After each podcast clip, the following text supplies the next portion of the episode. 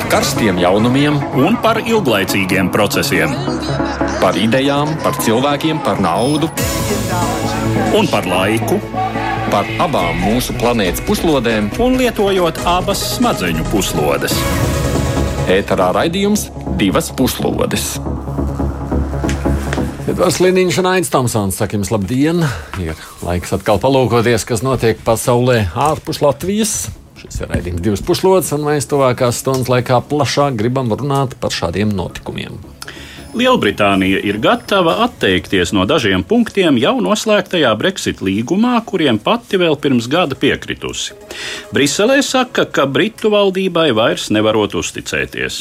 Tas vēl vairāk mudina domāt, ka nekāda vienošanās starp Eiropas Savienību un Lielbritāniju par valstu tālākajām attiecībām šogad noslēgta netiks. Krievijas prezidents Vladimirs Putins apsolījis ir Baltkrievijai kredītu pusotru miljārdu apmērā, lai palīdzētu pārvarēt tur briestošo ekonomisko katastrofu.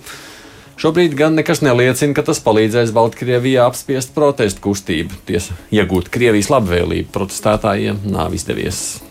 Un runāsim šodien arī par apvienoto Arābu Emirātu un arī Bahreinas noslēgto vienošanos ar Izrēlu par diplomātisko attiecību atjaunošanu. Puses paudušas pārliecību, ka tas nesīs reģionā mieru. Jautājums, vai šādam solim varētu sekot arī citas Arābu valstis. Komentēt notikumus kopā ar mums ir gatavs politologs vēstures doktors Ajārs Skudra. Labdien! Labdien, labdien! Un sākumā dažos teikumos gan arī pieminēšu citas dažas aktualitātes.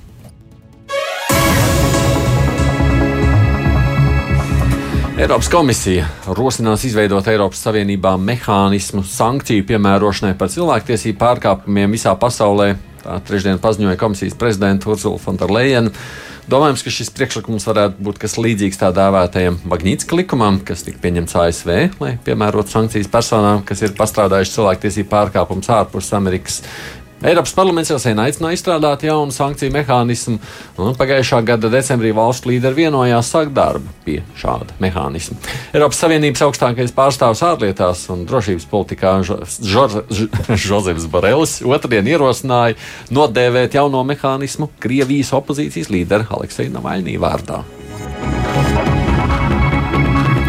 Bet, ja par pašu Navaļnī, tad viņš šobrīd atlapst pēc saindēšanas ar nervus paralizējošo vielu Novičoku kā paziņojis Navainī pressekretārs Kira Jārmiņš, tad tiklīdz opozicionārs atlaps viņš atgriezīsies Krievijā un turpinās savu misiju. Man visu rītu raksta žurnālisti vaicā, vai tiesa, ka Aleksis plāno atgriezties Krievijā. Tā raksta Twitterī Jārmiša. Es saprotu šī jautājuma iemeslu, tomēr man šķiet dīvaini, ka kāds varētu domāt citādi. Vēlreiz apstiprinu visiem, nekādi citi varianti nekad nav tikuši izskatīti. Tāds citāts.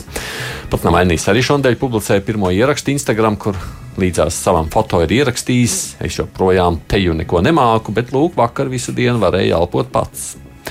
Tikmēr viņa komanda ir atspēkojusi vēl vienu Kremļa izdomājumu, ka Novičoku viņam kāds piespēlējis Vācijā.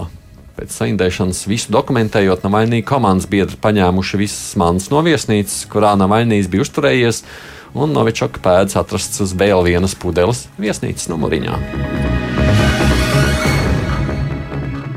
Eiropai vēl straujāk būs jāvirzās uz klimata neitrālu ekonomiku. Eiropas komisijas prezidenta Ursula Fonderleina trešdien uzrunā Eiropas parlamenta deputātiem paziņoja par plāniem ievērojami ja straujāk samazināt izmešus līdz 55% nepilnu desmit gadu laikā.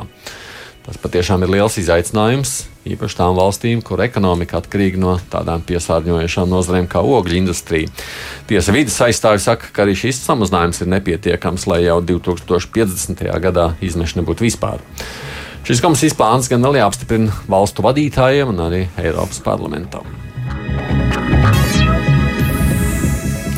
Romas katoļu baznīca varētu mēģināt aktīvāk ietekmēt notikumus Baltkrievijā. Vatikāna valsts sekretārs kardināls Pietro Parolīns paziņoja, ka pāvests Francisks izskatīs iespēju apmeklēt Baltkrieviju. Kā skaidrojas kardināls, tad Baltkrievija vienmēr esot izrādījusi lielu interesi par pāvesta vizīti. Ielūgums esot izteikts vēl 2016. gadā. Kā zināms, Vatikāns uzstājas Baltkrievijas katoļu arhibīskapa Tadeuša Kondorseviča atgriešanos Baltkrievijā. Varas iestādes neielaiž vairs arhibīskapu Baltkrievijā, aizbildinoties ar to, ka viņam, kuram ir Baltkrievijas pilsonība, esot it kā nederīgas pases. Pats arhibīskaps vērsies iekšlietu ministrijā pēc skaidrojumiem. Nu, un, ja reiz pieminējām baznīcu, interesanti ir ziņa koronavīrus kontekstā. Vācijas evaņģēliskā baznīca, kas apvieno Lutāņu un Reformātu reģionālās organizācijas, gatavojas Ziemassvētku dievkalpojumiem, un tos tikšot rīkot stadionos un tirgus laukumos, šādi cenšoties pielāgoties koronavīrus pandēmijas dēļ ieviestajiem ierobežojumiem. Un vēl dievkalpojumi notikšot arī brīvdabas kinoteātros tiks iesaistīti daudz brīvprātīgie, izvērsta sadarbība ar ugunsdzēsēju brigādēm un tehniskā atbalsta organizācijām, lai tad cilvēki svētkus varētu svinēt drošībā. Tā ir norādījusi baznīca. Traudas vispār gatavojas tagad iespējamām alternatīvām, ja situācija kļūs vēl sliktāka. Dievkalpojumi varētu notikt turpmāk tirgus laukumos, futbola laukumos, varbūt arī meža malā. Tā ir izteicies baznīcas vadītājs.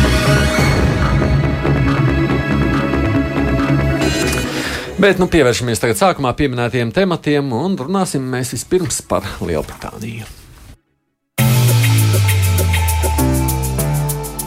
Lielbritānija nelauž līgumus. Šo kādreizējās Britu premjerministrs Margaretas Tečeras frāzi citēja Eiropas komisijas prezidenta Urzula Fonderleina ikgadējā uzrunā par stāvokli savienībā, ar kuru vakar uzstājās Eiroparlamentā. Tas ir nepārprotams mājiens Britu pašreizējā premjerministra Borisa Džonsona virzienā, kuru pēdējā laika mēģinājumi vienpusēji apiet Lielbritānijas izstāšanās līguma nosacījumus apdraud tā īstenošanu. Runa ir par iekšējā tirgus likumu, par kuru pirmajā lasījumā nobalsojas Lielbritānijas parlamenta vairākums. Kamēr Boris Džonsons uzstāja, ka likuma mērķis ir novērst Eiropas Savienības pārmērīgu un nesaprātīgu izstāšanās vienošanās traktējumu, faktiski, kā uzsver daudz kā Lielbritānijā, tā citur pasaulē, tas ir pretrunā ar šo starptautisko vienošanos. Tieslietu asociācija, kas apvieno apmēram 200 tūkstošus Anglijas un Velsas juristu, norādījusi, ka faktiski šis likums lauž iepriekš noslēgtu starptautisku vienošanos un būtu smags trieciens Lielbritānijas starptautiskajam prestižam. Tas ir uzbrukums likuma varai, paudis asociācijas prezidents Simons Deivis. Līdzīgi izteikušies arī daudzi politiķi un vairāki bijušie britu premjerministri. Iekšējās tirdzniecības likuma nosacījumi ļautu Britu valdības institūcijām vienpusēji atkāpties no Brexita vienošanās sadaļā, kas attiecas uz preču kustību starp Lielbritāniju, Ziemeļīriju un Īrijas republiku. Līdz ar to varētu tikt pārvilkta svītra ar milzu pūlēm panāktajam kompromisam, kas arī pēc Lielbritānijas izstāšanās no Savienības saglabātu atvērtu robežu īrijas salā, ļaujot uzturēt spēkā Lielās piekdienas vienošanos Ziemeļīrijas miera procesa stūrakmeni. Par to visu palīdziet man sākumā saprast. Tad, klausoties, senāk runa varētu būt, ka var atkal atjaunot to robežu starp Ziemeļīriju un Īriju, ja gadījumā Lielbritānija šo līgumu noslēdz, šo likuma projektu pieņem? Nu, teorētiski. Katrā ziņā Boris Džonsons saka, ka tā tam nevajadzētu notikt, jo šis ir tikai nu, tāds drošības pasākums gadījumā, ja sliktā Eiropas Savienība sāktu uzlikt nepamatotas preču kustības barjeras starp, nu, kā zināms, tātad, lai saglabātu atvērtu robežu starp Ziemeļīriju un Īrijas republiku, kas tagad kļūst par robežu starp Lielbritāniju un Eiropas Savienību, eh, preces ir jākontrolē kaut kur citur. Un tā jau visu laiku arī bija tā mm, lielākā problēma, ka nu ir jāizveido zināms kontrols mehānisms tām precēm, kas ceļos no Lielbritānijas uz Ziemeļīriju. Eh, un tas ir tas tā, šajā sadaļā, attiecīgi šīs iekšējā tirgus likuma būtība, ka uh, Nu, tā tad tiek noteikta savukārt brīva preču kustība visā Lielbritānijas teritorijā, un attiecīgi, ja Britu institūcijām šķiet, ka Eiropas Savienības kontrolas mehānismi ir pārspīlēti, ja tām tā šķiet, tās var tos, nu, acīm redzot, šī likuma traktējumā ignorēt. Um, jā, jo, jo nekādu, nekādu uh, Eiropas Savienības muitnieku jau uh, Lielbritānijā starp uh, Lielbritāniju un Ziemeļīriju nebūs. Tās ir Britu institūcijas, kurām ir pienākums šo preču kontroli un attiecīgus uh, Bet, ja, ja, ja, īstenot. Ja Britiem jāizsniedz kontroli, viņi saka, ka Eiropa pārāk kontrolē. Un, nu, palīd, palīdziet man saprast, muļķiem nepieļaut. Tā tad uh, es teiktu, tā, ka mm, tai problēmai ir vairāk aspektu. Es vispirms nosaukšu tos aspektus. Uh, pirmais aspekts uh, ir teiksim, tā mm, spēle uz pēdējā brīža vienošanos starp Eiropas Savienību un Lielbritāniju. Mm, un tādējādi to sauc par tā dēvētā cēlēna spēli. Mm, auto sacīkstes risku ciest katastrofu. Tā tad, tad iegūt kaut kādas zināmas priekšrocības. Tas ir viens variants, vienkārši sarunu stratēģija. Otrs variants ir, ir jau kolēģi pieminētais par to, kurš kādas iegūs tiesības noteikt. Un ir divi aspekti tam, ko nosaka. Viena lieta ir tarifi. Tā tad, un, un šie tarifi tādā gadījumā attiektos uz uh, Ziemeļīriju. Uh, tie, jo, jo Džonsons saka, ka šis likums ir Lielbritānijas suverēnās tiesības kontrolēt savu iekšējo tirgu. Šajā iekšējā tirgu ir arī Ziemeļīrija. Tā tad tarifi e, viena lieta, un otra lieta - valsts palīdzība Britu e, uzņēmējiem konkurencē ar Eiropas Savienības produkciju. Bet, ļauj, vai es pareizi saprotu, tā, ko, tā iepriekšējā vienošanās paredzēja, tā kā Edvards saka, tā tad būtu kaut kādi punkti iekšā pa, pašā Lielbritānijas teritorijā, kas kontrolēti. Jā, Nē, tad te ir jānodala divi dokumenti. Tā, tad eh, viens eh, dokuments, kuru Džonsons svēti apzvēra nepārkāpt, ir vienošanās par izstāšanos. Tas ir līgums. Tas ir skaidrs, jā. Lī, izstāšanās līgums. Jā. Jā, kur, kurš tā tad pilnā apjomā ir spēka, spēkā no nākamā gada 1. janvāra. Un tad ir diskusija par, par kuru patiesībā ir diskusija saistībā ar pat labam pieņemtajiem likumdošanu, pieņemto likumdošanas aktu. Tas ir, eh, tā ir deklarācija par eh, Lielbritānijas un Eiropas Savienības politiskajām attiecībām pārskatāmā nākotnē, kur, kur nav noteikts termiņš. Un, eh, un, un tā tad, tad ir jautājums, cik lielā mērā būtu jāievēro tā vienošanās par tiem attiecību principiem, kur, protams, arī ļoti daudz skaisti formulējumi. Un, un, un var sakot, jautājums par to, mm, kā šī vienošanās paredzamā, par kuru joprojām tās sarunas notiek, kā šī vienošanās ietekmēs vai neietekmēs Lielbritānijas brīvās tirzniecības līgumu ar Amerikas Savienotajām valstīm, ne. par kurām jau notiek pat labam ceturtais saruna rauns. Ne, bet vai es pareizi saprotu, ka šobrīd tomēr runa ir par to likumprojektu, kas tā pirmajā lasīmā ir pieņemts, ja, kas tika minēts tajā ierakstā, kurš tā kā paredz iespēju atkāpties no tās tomēr noslēgtās vienošanās, ja pagaidu Brexit to, to, to noregulējumu. Par to ir runa, vai ne tā? Tas nu, ir interpretācijas jautājums. Ir interpretācijas, interpretācijas jautājums. Jā, jā. bet, tā Eiropa, Tekstā. bet, bet Eiropa tā to interpretē. Eiropa tā to interpretē. Nu, tieši tādos vārdos tas, teiksim, vakar Fonderlejenas runā netika teikts. Mm. Ka Lielbritānija atkāpsies no jau noslēgtās vienošanās. Bet, nu, teiksim, netieši ar šo Tečeras citātu, ka Lielbritānija nelauž vienošanās. Un, nu, pašā Lielbritānijā, kā tas jau izskanēja, ir ļoti daudzi, kur uzskata, ka de facto katrā ziņā Jā. tā būs esošo vienošanos faktiski ignorēšana. Nu, cik es saprotu, žurnālisti savukārt no Briseles ziņo tā, ka, ja gadījumā uh, Londonā šo likumu pieņems, tagad, kas ir pirmajā lasījumā šajā nedēļā, tad uh, visticamāk nekāda vienošanās par tālākām tirdzniecības attiecībām vairs nemaz netiks noslēgta. Nē, nē, nē, nē, tas to nenozīmē. Nē, tā tie žurnālisti saka, tā ir tā neoficiālā informācija, ka tad tās sarunas iesprūdīs, un tad Brisele vairs nebūs gatava. Kas attiecas uz kalendāru, īsi jāpasaka par kalendāru. Tad nākamais balsojums apakšpalātā ir 22. septembrī. Jā.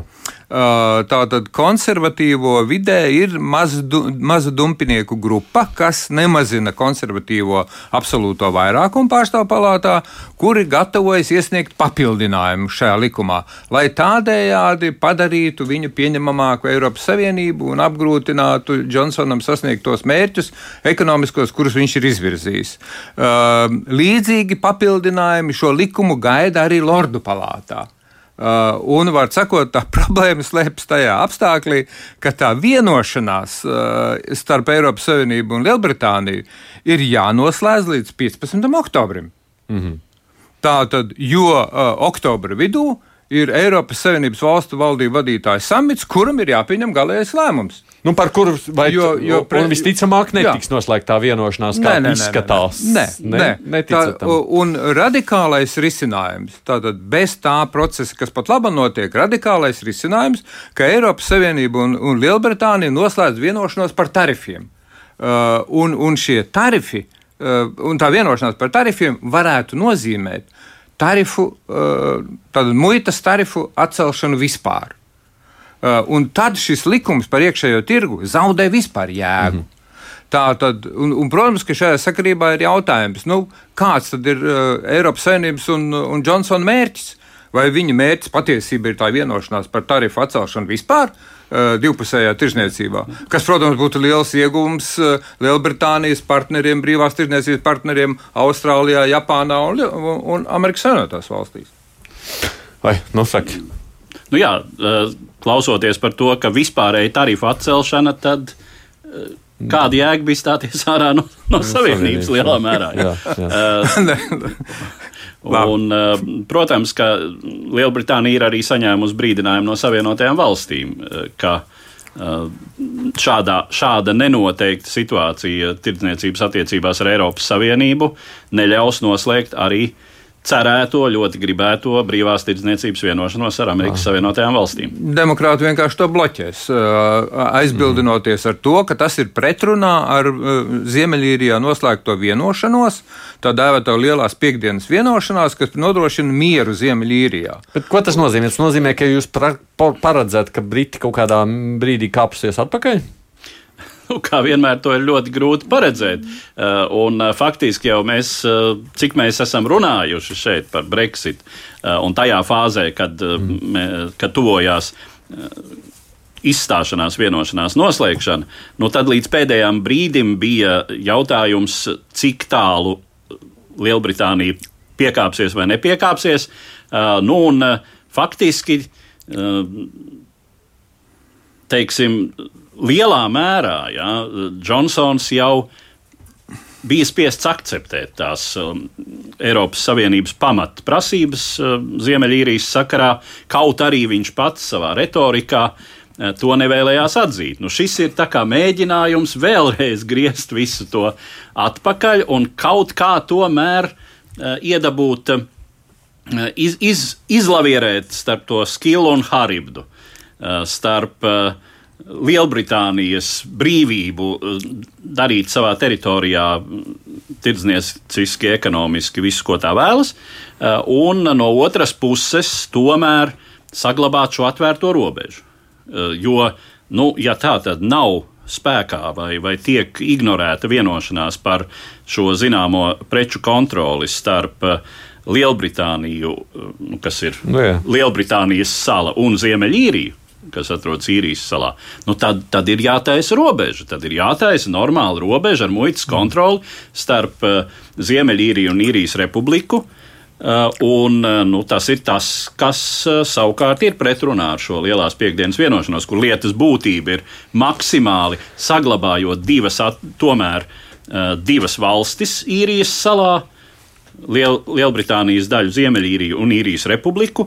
Tās maksimāli tuvināt jebkurā Tas ir skaidrs, jā, labi. Bet kas notiks, ja likums tiek pieņemts un šī kontroli Lielbritānija neveic? Nu, ko darīs Eiropas Savienība?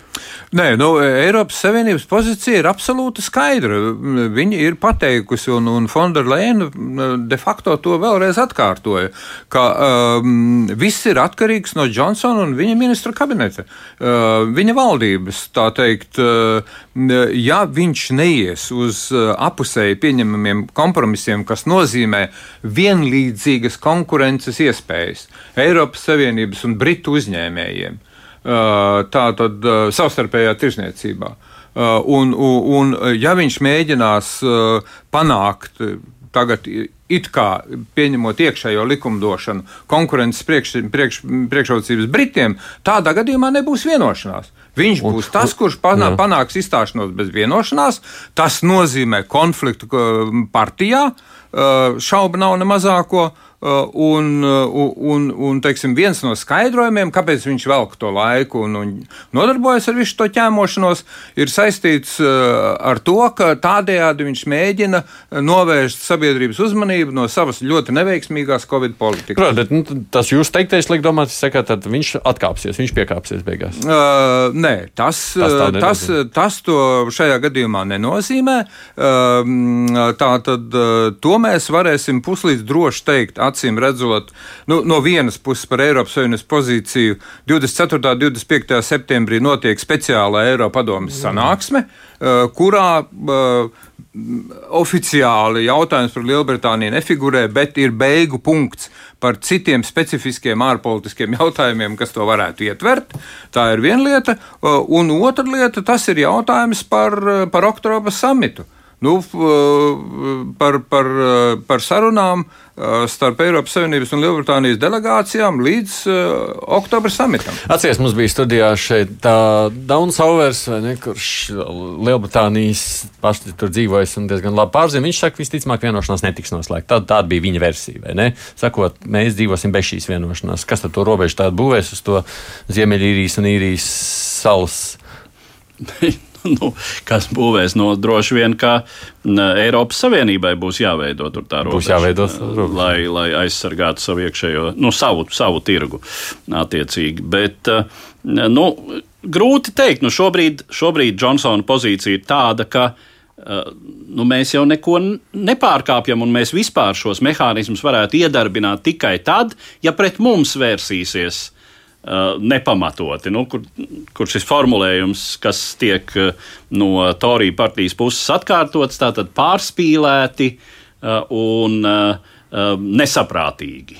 Ja, ja tiks pārspīlēti un nesaprātīgi traktēta šī izstāšanās vienošanās, nu, kas ar to ir saprotams, grūti teikt. Ja.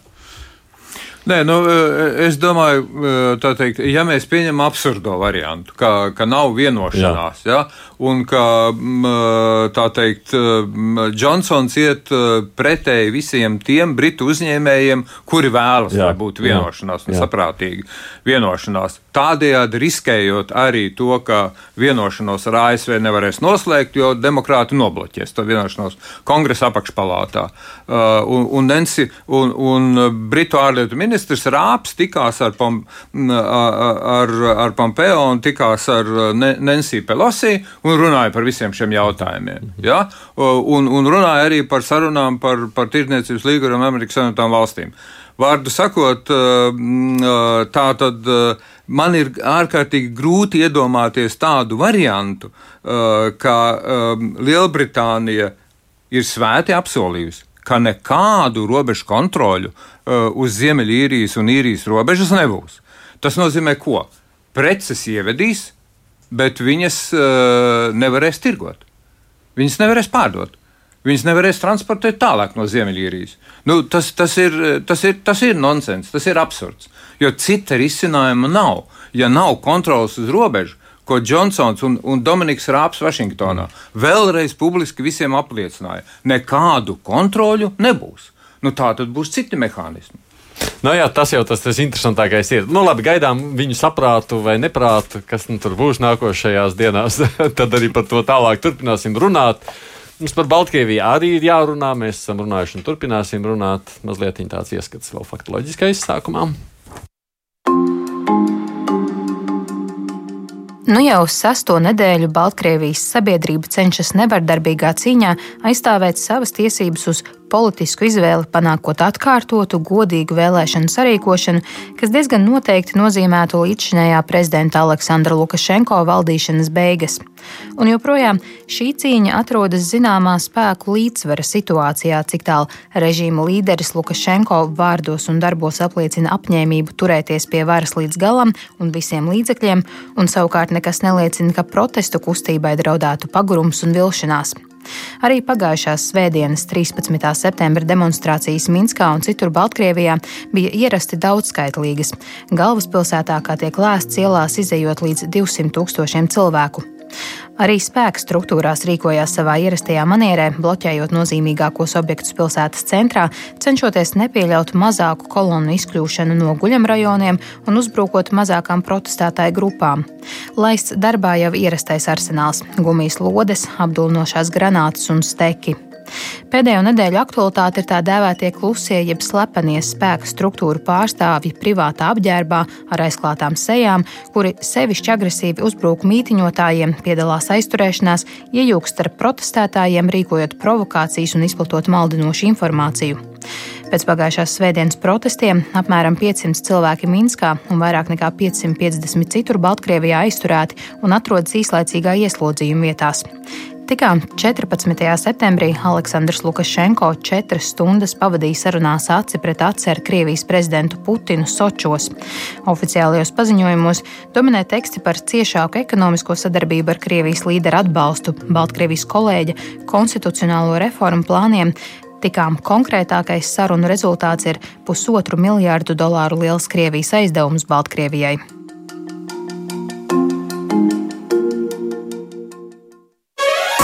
Divas puslodes. Gadiņas studijā kopā ar mums politologs vēstures doktors Ajārs Skudru un mēs ar Eduardu Liniņu. Tā Putina attieksme, jā, tās sarunas, pusotrs miljards. Nu, tas nav tāds arguments, lai teiktu, ka Lukašenko ir, varētu justies šobrīd stabili un droši. Edvard. Nu, jā, nu grūti pateikt. Ja tā skatās ļoti vispārīgi un Ko tad varētu nozīmēt tāds pusotrs miljards? Tas ir acīm redzami par maz, lai Lukašenko nopirktu Baltkrievijas sabiedrības atkal kādu uzticību, piekrišanu un pieļāvību. Tas no otras puses ir pietiekami daudz, lai savukārt Putina režīms, lai Krievija nu, ja tā grib saglabāt uh, savu debitoru uh, maksāt spējīgu, paturēt Lukašenko pie varas, jo, nu, kā zināms, opozīcijas līderi Tihanovski jau ir izteikusies, ka šo aizdevumu būs jāatmaksā Lukašenko, kurš to ņem nevis Baltkrievijas tautai. Mm -hmm. Un ar tiem starptautiskiem aizdevumiem tā ir. Mēs vēsturiski zinām, ka ļoti bieži eh, pagātnē attieksme pret vienu vai otru varu vienā vai otrā valstī. Savukārt citām valstīm ir noteicis tas, cik šī konkrētā vara ir aizņēmusies un kā tad attiecīgi jaunā vara to varētu atdot nu, bet, vai nē. Nu, redz, bet Putins acīm redzot uzticās, ka Lukašenko varēs atdot. Eh, vai arī Putinam ir plāns, Vienalga. Eh, vai arī Putinam ir plāns par kādu trešo variantu, kas nebūtu ne Tihanovska vai uh mhm. -huh. kāds cits no šī brīža opozicionāriem, nedz arī Lukašenko mm, savā konkrētajā šī brīža eh, izpausmē, bet gan eh, vēl kāds, kurš būtu gatavs atdot. Kurš būtu gatavs jā, atdot lielā mērā, vai arī darīt to, nu mēs nezinām, ko šīs četras stundas abi vīri tur runāja, un kas vēl, teiksim, un kas, kas tad par šo aizdevumu un par visu pārējo atbalstu Krievijai tiek dots pretī.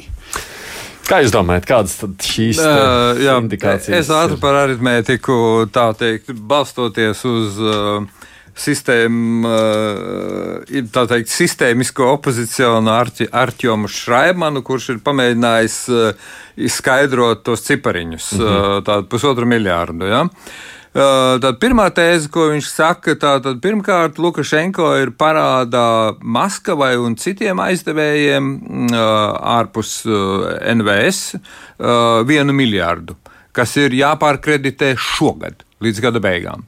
Un 300 miljoni Gazprom. Tas ir jau gandrīz pusotrs miljards. Ja? Tāpat tā, jādod to pašu naudu. Ja. Tad uh, Otra viņa tēze ir, uh, Lukašenko vajag katru gadu 3 līdz 4 miljārdus uh, jaunu aizdevumu, lai uh, viņš varētu finansēt savus parādus un savu ekonomisko darbību. Kāds risinājums varētu būt?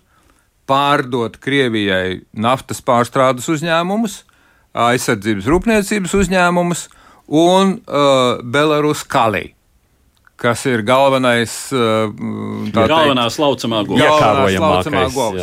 Ja? Tā tad, uh, nu, uh, vai uh, tā teikt, opozīcija uz to visu mierīgi noskatīsies, tas ir liels jautājums. Jo, jo ir pilnīgi skaidrs, ja Lukašenko iet uz to, Uh, un, un viņam citu ceļu nav, jo starptautiskajā tirgu viņš uh, naudu saņemt vairs nevar. Jo Eiropas Savienība arī viņu vairs, nu vismaz Borela personā, neatzīst par leģitīmu prezidentu. Un līdz 9. oktobrim ir jāpasludina inaugurācijas diena. Uh, un opozīcija ir pateikusi, ka tad tas nozīmēs jaunu pretestības vilni, iespējams arī ar varmācības elementiem. Nu, un, uh, līdz ar to, vārdu sakot, uh, tāpēc arī Dmitrijs Peskovs ar steigu paziņoja, ka Maskava mīl visus Baltkrievus. Jā. Un te jau ir Jā. jāņem vērā, ka teiksim, šī Baltkrievijas ekonomiskā suverenitāte Uh, un uh, visa tā sacīt, labā potenciāla saglabāšana, nu, tas ir bijis Lukašenko jājam zirdziņš. Mēs, lūk, mums ir nu, spēcīga rūpniecība, un tā ir mūsu pašu. Nu, mēs Latvijā arī dzirdam šīs. Uh, Ilgas pēc vefa. Nu, ne tikai pēc vefa. Kas tad ir sapo veikals, mēs redzam. Jā, un ne, ne, dzirdam, kas tad Traktor. Latvijā pieder, cik tad mums vairs pieder. Visu esam izpārdevuši. Mm. Visu esam kādam izflekarējuši, tā sacīt. Uh, un uh, līdz šim šī tēze bija, šis trumpis bija, tā sacīt, Lukašenko rokās. Uh, šāds variants, ka tas atklāti pāriet Krievijai, jebkam, jā, Krievijai, vai, vai tās būtu lielās Krievijas valsts kompānijas vai kādi privāti investori, nu, tas viņam laupa droši vien tādu, tādas prestižu paliekas un, un kaut kādu arī dzen šo leģitimitāti. Vai viņam prestižs paliekas un leģitimitāte ir aktuāls jautājums šobrīd? Nē, nē nu, viņa, viņa atbalstītāju viņa atbalst. acīs jau tomēr nu, viņam ir daļa. Daži. Da, daļa. Nu, to ir grūti šobrīd teikt, cik liela daļa Baltkrievijas sabiedrības atbalsta. Tur var runāt par tām eh, zināmā mērā vecuma struktūras līnijām, ka vecākā paudze tomēr jā, mm, un tie mm. pensionāri, kuri ir bija gatavi eh, atgriezties savās darba vietās, kad daži sāka streikot šais lielajos uzņēmumos, bet ja viņi atgriežas vairs ne Baltkrievu uzņēmumā, bet pie Krievu kunga, tās, tās ir pavisam citas. No tādas tālākas perspektīvas šķiet, neko jau šī tikšanās nav mainījusi. Ja? Nē, tā, tā, tā mēs nepiekrītam. Ne. Uh, uh, Putins Lukašenko ir nodiktējis noteikumus. Strīds, vienīgais strīds no Lukašenko puses par, par, par nosacījumiem. Par nosacījumiem, um, un es pieņemu, ka Lukašenko iespējams tik daudz spēj saprast, ka viņš nav spējīgs vairs runāt visu Baltkrievu vārdā. Nu, protams, ka Putins tad viņam jautāja, kā vārdā viņš runā. Viņš runā tikai savu bruņoto spēku un, un Omanu vārdā, ja viņš vēl kaut kā vārdā runā. Ja runājam par, par ekonomiku un par finansēm. Nu, loģiski, ka nē. Nu, līdz ar to viņam bija jāuzklausa noteikumi. Un tie noteikumi, es, es ticu, es pagaidām pieļauju uh, to maigo scenāriju, kad uh, šī uh, Baltkrievijas pārņemšana ekonomiskā un finansiālā notiks pakāpeniski vairāku gadu laikā. Uh, un šo gadu laikā vai gada laikā tas būs atkarīgs no opozīcijas. Ir jānotiek konstitucionālajai reformai un jānotiek jaunām vēlēšanām. Un Lukašenko ir jāiet prom. Jā. Nu, jāiet prom, teiksim, acīm redzot, saglabājot, nu, pirmkārt, saglabājot vissliktākajā gadījumā iespēju vienmēr saņemt uh, patvērumu Jā. uh, un mūža maizi Krievijā. Viņam un droši vien ne viņam vien, bet daudziem Kopā ar Janukoviču. Jā, tur viņi ar Janukoviču varēs mierīgi iedzert teju. Jā, un, un, un Lukašenko Sočos ir jau vasarnīca. Jā, bet, bet ja nopietni, nu, protams, visi, kas ir ar šo režīmu bijuši saistīti un bijuši iesaistīti nu jau nu, nu, simtos skaitāmos vardarbības aktos pret protestētājiem, un kuri var rēķināties ar sabiedrības nepatiku, nu visus neizvedīsi, un visi arī nav gatavi pamest valsti. Tā uh, tas, kā teiksim, Baltkrievu sabiedrībā notiks šīs, šī, šo traumu. Šo traumu pārdzīvošana, tad, ja pārmaiņas nebūs radikālas, tad, tad ja nebūs uh, Um, tad, tad ja būs, būs zilumi un sasitumi un, un uh, pazemošana, un tad tas ieguvums būs uh, pārkrāsots Lukašenko režīms jā, ar kādu citu, bet vēl izteiktāk Krievijas marioneti. Uh, un, un visdrīzāk teiksim, arī mazāku, har, mazākas har, harizmas cilvēku. Nu, tas ir ļoti, ļoti mm. problemātisks jautājums. Jā, kas ar šo sabiedrību tādā gadījumā varētu notikt? Bet nu, šis ir tas virziens, kurā mēs izskatās, ka tas pašlaik tiek virzās. Nē, tā tad ņemsim vērā Putina izcelsmi. Viņš ir valsts drošības komitejas virsnieks. Jā. Tas nozīmē, ka metodes ir iedarbinātas Un, un, un uh, Krievijas speciālisti visdažādākajās jomās, ieskaitot uh, televīzijas žurnālistus, Jā. kuri tagad strādā Baltkrievijas televīzijā, process ir jau sācies. Tā, tas slavenais teiciens, process pašal, kā teica savulaik Gorbačovs. Process ir sācies. Mm, tā teikt, ekonomiski, finansiālās, ideoloģiskās aneksijas process ir sācies. Nu jā, un tiem, kuri protestēs un pretosies, vienmēr var inkriminēt vēlēšanos izpārdot Baltkrieviju šausmīgajiem rietumiem. Jā. Mm.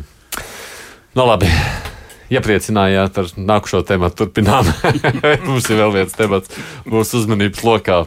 Pievēršamies tuviem austrumiem. 15. septembrī Vašingtonā tika parakstītas divas vēsturiskas vienošanās. Apvienoto Arābu Emirāti un Bahreina parakstīja līgumus par diplomātisko attiecību normalizāciju ar Izrēlu. Līgums starp Izrēlu un apvienotajiem Arābu Emirātiem oficiāli tiek saukts arī par Ābramu līgumu, atsaucoties uz vecās derības personāžu Ābramu, mitoloģisko ebreju un arābu kopīgo ciltstēvu. Līgumus parakstīja Izraels premjerministrs, apvienoto Arābu Emirātu un Bahreinas ārlietu ministri, kā arī Savienoto valstu prezidents vienošanās apliecinātāja statusā.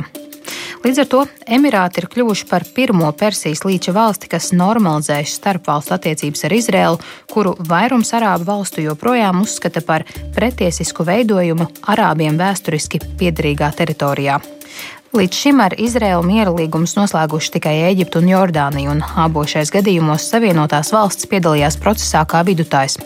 Atšķirībā no Eģiptes un Jordānijas, apvienoto Arābu Emirāti nekad nav bijuši iesaistīti militārā konfrontācijā ar Izraēlu, līdz ar to līguma praktiskā puse nosaka diplomātisko attiecību un komunikāciju, avio satiksmes, telefonu sakaru un tam līdzīgi normalizēšanu.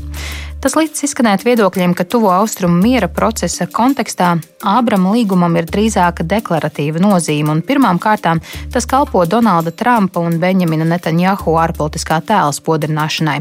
Visasāk pret līgumu izteikusies šobrīd ietekmīgākā Izraels un Savienoto valstu pretiniece reģionā - Irāna.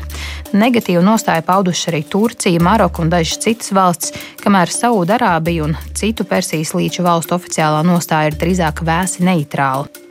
Starptautiskās preses publikācijas uzsver arī Kataras īpašo pozīciju šī mierlīguma kontekstā.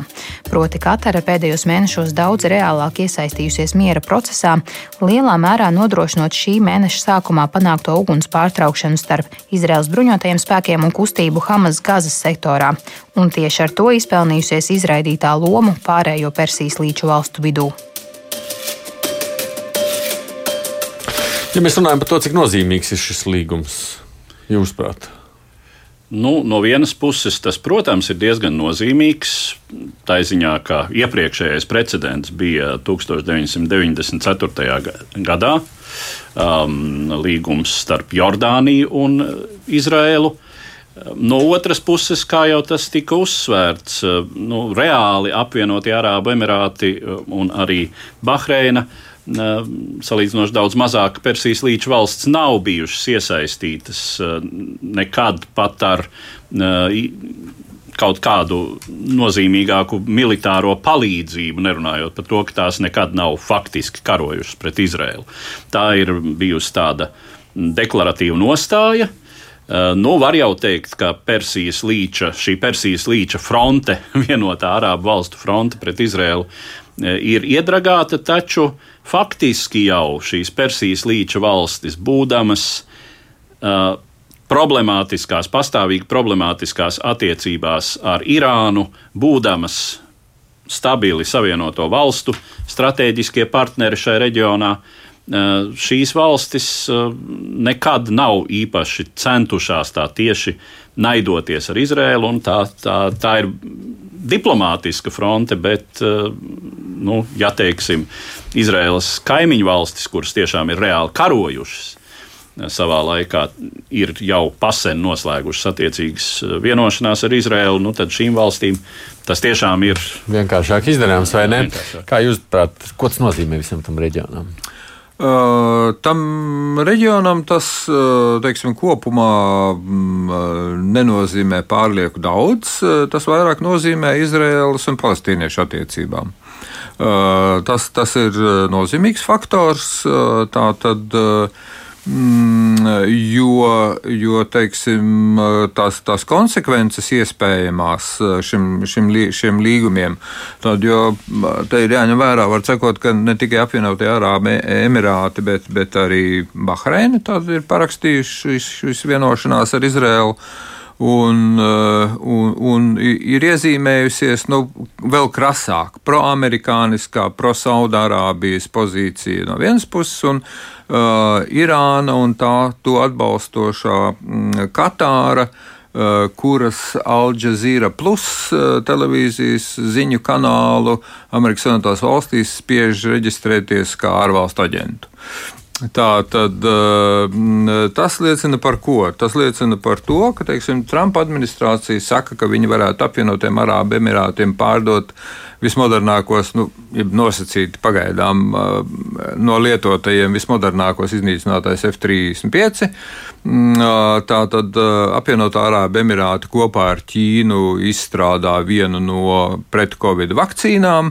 Apvienotie Arābu Emirāti kopā ar Eģiptu un Krieviju cīnās Lībijā pret Lībijas valdību, mm, atbalstot ģenerāli vai, vai maršalu Haftaru. Uh, un uh, kas attiecās uz, uh, uz palestīniešiem, nu tad tas, tas vienīgais iegūms no, no tā, nu, apliecinot, ka, jeb apliecinot arī tām līgumslēdzēju pusēm, Bahreinai un apvienotiem Arābu Emirātiem, cerībā piesaistīt vēl Omānu un iespējams vēl kādu, Izraela ir paziņojusi, ka tā nobremzēs uh, to rietumu krasta arābu teritoriju pievienošanu Izrēlai pilnīgi oficiāli, tur, kur ir izvietotas Izrēlas iedzīvotāju pilsoņu apmetnes, ka viņi ir apturējuši šo procesu. Ko var, protams, saistīt arī ar to, ka vienkārši Amerikā ir vēlēšanas. Bet, nu bet, bet, bet, bet ir skaidrs, sakot, ka tas vispirms vājina palestīniešu pozīcijas. Mm. Nu jā, šī um, rietumkrasta, Jordānas upes rietumkrasta aneksija ir apturēta, bet nu, faktiski jau tā apturēšana ir arī tāpēc, ka ir mainījies Izraels valdības sastāvs. Mm. Un Netanjahu partijai, kurai tas bija Trumps un Jājams Zirdziņš, vairs tīri iekšpolitiski nav īpaši cerību šo procesu iedarbināt. Nav arī vajadzība. Mēs uh, sazvanījām pirms raidījuma Eiropas politikas analīzes centra pētnieku Mārtiņu Hiršu par to, vai viņa prāt varētu citas valstis vēl no uh, tā reģiona sekot šīm divu valstu piemēram. Paklausīsimies sarunu. Nu, tās attiecības jau ir mainījušās, uzlabojušās pēdējās desmit gadēs. Nu, kā jūs minējāt, ir dažādas, teiksim, nav oficiāli diplomātas attiecības, nav tā, ka nerunā valsts savā starpā tas, nu, klājais naids, kas bija starp Arābu pasauli un Izraēlu. Tas bija desmit gadus atpakaļ. Tagad uh, tur nomainīs tas pragmatiskāk sadarbība, jo nu, tās aktualitātes un problēmas ir absolūti mainījušās. Nu, pilsoņu karš Sīrijā, uh, tāpat Irāka, Jemenā pilsoņu karš, uh, nu, tur ar Izrēlu. Izrēla vairs sen nav tas galvenais draudz uh, vai, vai, vai kaut kāda teiksim, problēma. Tur tam austrumiem ir daudz citas, daudz svarīgākas un aktuālākas problēmas izaicinājumi. Uh, tas ir viens, uh, no otrs nu, kaut kādā mērā, kādēļ šī tuvināšanās notiek, jo, nu, nu es pieļauju, tā, tā sajūta reģionā varētu būt, ka ASV aiziet no reģiona. Tāpēc tagad Trumps pēdējos gadus ir bijis ļoti tāds pro-Izrēlas un atbalsta Saudarābiju. Bet, ja salīdzinām Baraku Obamu un arī tas, ko Džo Baidens vismaz līdz šim runājis, ka vairāk tāda neitrāla attieksme, kad uh, no ASV nostājas vienā pusē. Obama mēģināja attālināties no Izraēlas, no Saudārābijas, mēģināja ar Irānu normalizēt attiecības, nu, tāda neitrāla pieeja reģionam, tad spēku līdzsvaru balansēšanas ar visiem šiem te varas centriem reģionā, un tad, nu, arī to to redz, kā ASV uzmanība virzās uz Āziju, uz Ķīnu, un uh, ka nu, pašiem jāmēģina veidot alianses, pašiem jāmēģina atrast, nu, jā, nu, tā teikt, pretspars uh, Irānas iet, ietekmei, jo ASV nu, nav vairs tas, tas drošais uh, pret Irānas garants, kā tas bija iepriekš desmit gadus, kā ASV tā politika, tu arī austrumos ir mainījusies. Un, ja Trumps netiek pārvēlēts, ļoti iespējams ar Baidenu arī nebūs tik pro-Saudarābijas vai pro-Izrēlas ASV ārpolitika reģionā kā līdz šim. Nu, ja runā par Izraelu Palestīnu, tad nekas fundamentāli nav mainījies. Nu, Izraela nav gatava atzīt nekādu divu valstu risinājumu. Nu, tas, ka nu, viena atsevišķa valsts attiecības Izraēlu, tas arī neko fundamentāli nemaina. Kur gan ir bijušas pārmaiņas, ir to austrumu nu, spēka līdzsvarā, jo ja mēs skatāmies uz pēdējiem gadiem, tad ir nu, tādi četri lielie spēlētāji - Irāna, Saudārābija, Izraela, Turcija, kas savā starpā konkurē prietekmi tieši netieši, piemēram, Sīrijā, visi atbalsta dažādus spēlētājus, bet arī citās valstīs, Jemenā, tie pašā Irākā, notiek cīņa starp šīm lielvalstīm, kas atbalsta vienu vai otru upējumu dažādās trešajās valstīs. Un, nu, jāatcerās, tomēr Arabu Emirāti gatavi, teiksim, tuvoties Izrēlai. Tas parāda, ka Emirātus baida Irāna, Irānas spēka pieaugums reģionā, Irānas pieaugušā loma, jo nu, tas vecais teiciens, ka man ienaidnieki ienaidnieks ir mans draugs, diezgan labi raksturo šo te tuvošanos starp Izrēlu un Emirātiem, jo tas nav nekas jauns, tas ir pakāpeniski pēdējos 4-5 gados notikuši šī te tuvināšanās abu valstu starpā, jo, jo tā ir tā, nu, ģeopolitikā realitāte. Kādreiz, nu, kodam ārā bija stilīgi, ka visi ienīst Izrēlu un, nu, viss arābu valsts cienīs Izrēlu un nav gatavs diplomātiskas attiecības veidot. Nu, pašlaik reģionā ir cits uh, spēlētājs, kas baida šīs tesalinoši mazās valstis, Irānu salīdzinot. Un tā, tā ģeopolitiskā loģika mainās, un ar veciem ienaidniekiem ir jāsāk runāt un sadarboties, lai uh, varētu labāk kopīgi stāties pretī jaunam izaicinājumam Irānai reģionā. Nu, tā Mārtiņš Kiršs, kurš ir Eiropas politikas analīzes centra pētnieks, nu, ja jau tā ģeopolitiskā situācija mainās, tad citas valsts arī varētu līdzīgi sakot, kā Bahreina vai apvienotie Arābu Emirāti šim procesam. Iespējams, jā, nu, nosaucot teiksim, to lielo četrnieku šajā reģionā, tad Izraela, protams, stāv krietni saurup, jo teiksim, Izraēlai nav nekādu vēsturisku uh, um, ambīciju, kas izrietētu no, no kādu teritoriju, uh -huh. uh, savu, savulaik pakļautības, kādas ir gan uh, Irānai, kādreizēji Persijai, gan Turcijai, gan zināmā mērā arī droši vien Saudārābijai. Nu, tur ir vēl panarābisma. Um, tendences. Uh, Izraela vienmēr ir rūpējusies tikai par to, lai tā būtu drošībā, uh, un rīkojusies šai ziņā ļoti konsekventi, arī teiksim, nevairoties no militāriem triecieniem, kā piemēram savulaik pa Irā, Irākas kodolu. Uh, nu, tātad kodola objektu, uh, kad bija aizdoms, ka Sadams Huseins varētu mēģināt tikt pie kodolieročiem. Uh, bet tā nav, tā nav nekad mēģinājusi izplest savu mm. ietekmi kaut kur ārpus, ārpus tālu, ārpus savām robežām. Jā, nu, tik daudz atkal militāri veidojot drošības zonu sev apkārt. Bet par to sekotāju iespējamo pulciņu. Es, eh, es domāju, ka pagaidām eh, līdz ASV prezidenta vēlēšanām mums eh, nekādi jauni, nekāda lielāka jaunumi no, no šī reģiona vairs negaida. Galvenā uzmanība ir jāpievērš Gazas sektoram, Libānai un Irākai, kurā aktivizējās Izraels pretinieki un uh, Irā, Irānas atbalstītie.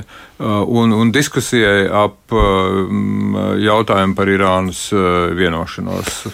Trumps šo, protams, pasniedz kā savu panākumu lielu ārpolitikas. Tiešām ASV vēlētāji to novērtēs?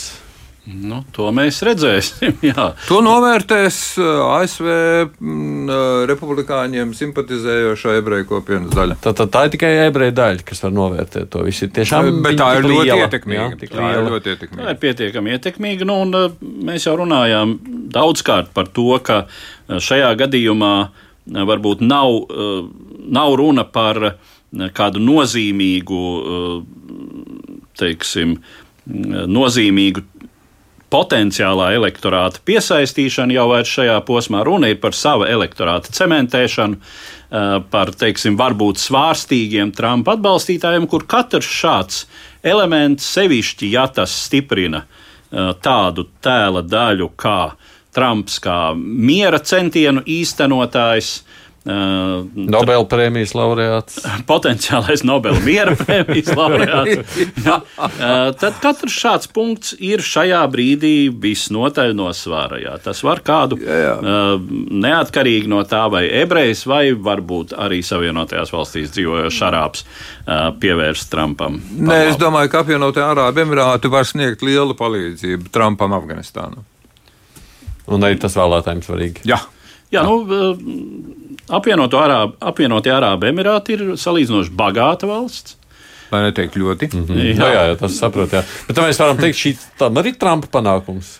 Uh, tā, ne, protams, protams, diplomātiski, politiski, protams, šaubu nav. Jā, jā. Jā, nu, un droši vien arī Netanjahu tas ir Jā. te vai ne mazāks panākums. Jā. Uh, Kas gan uh, viņa politiķa likteni gan iz- izšķirs tiesvedības process gal galā, bet, uh, Un tur jau vēl taču gaidām val- valdības maiņa. jā, bet, nu, protams, ka ļoti daudziem Izrēlā tas, tas arī ir arguments. Jā. Un pašām valstīm man ir tikai pusminūte. Nav nu, priekš, uh, priekš pašiem apvienot Arābu Emirātiem. Ne, ir, ir, ir. Viņi ļoti cer uz tehnoloģijām no Izrēlas un, un, un protams, uh, arī uz bruņojumu. Jā.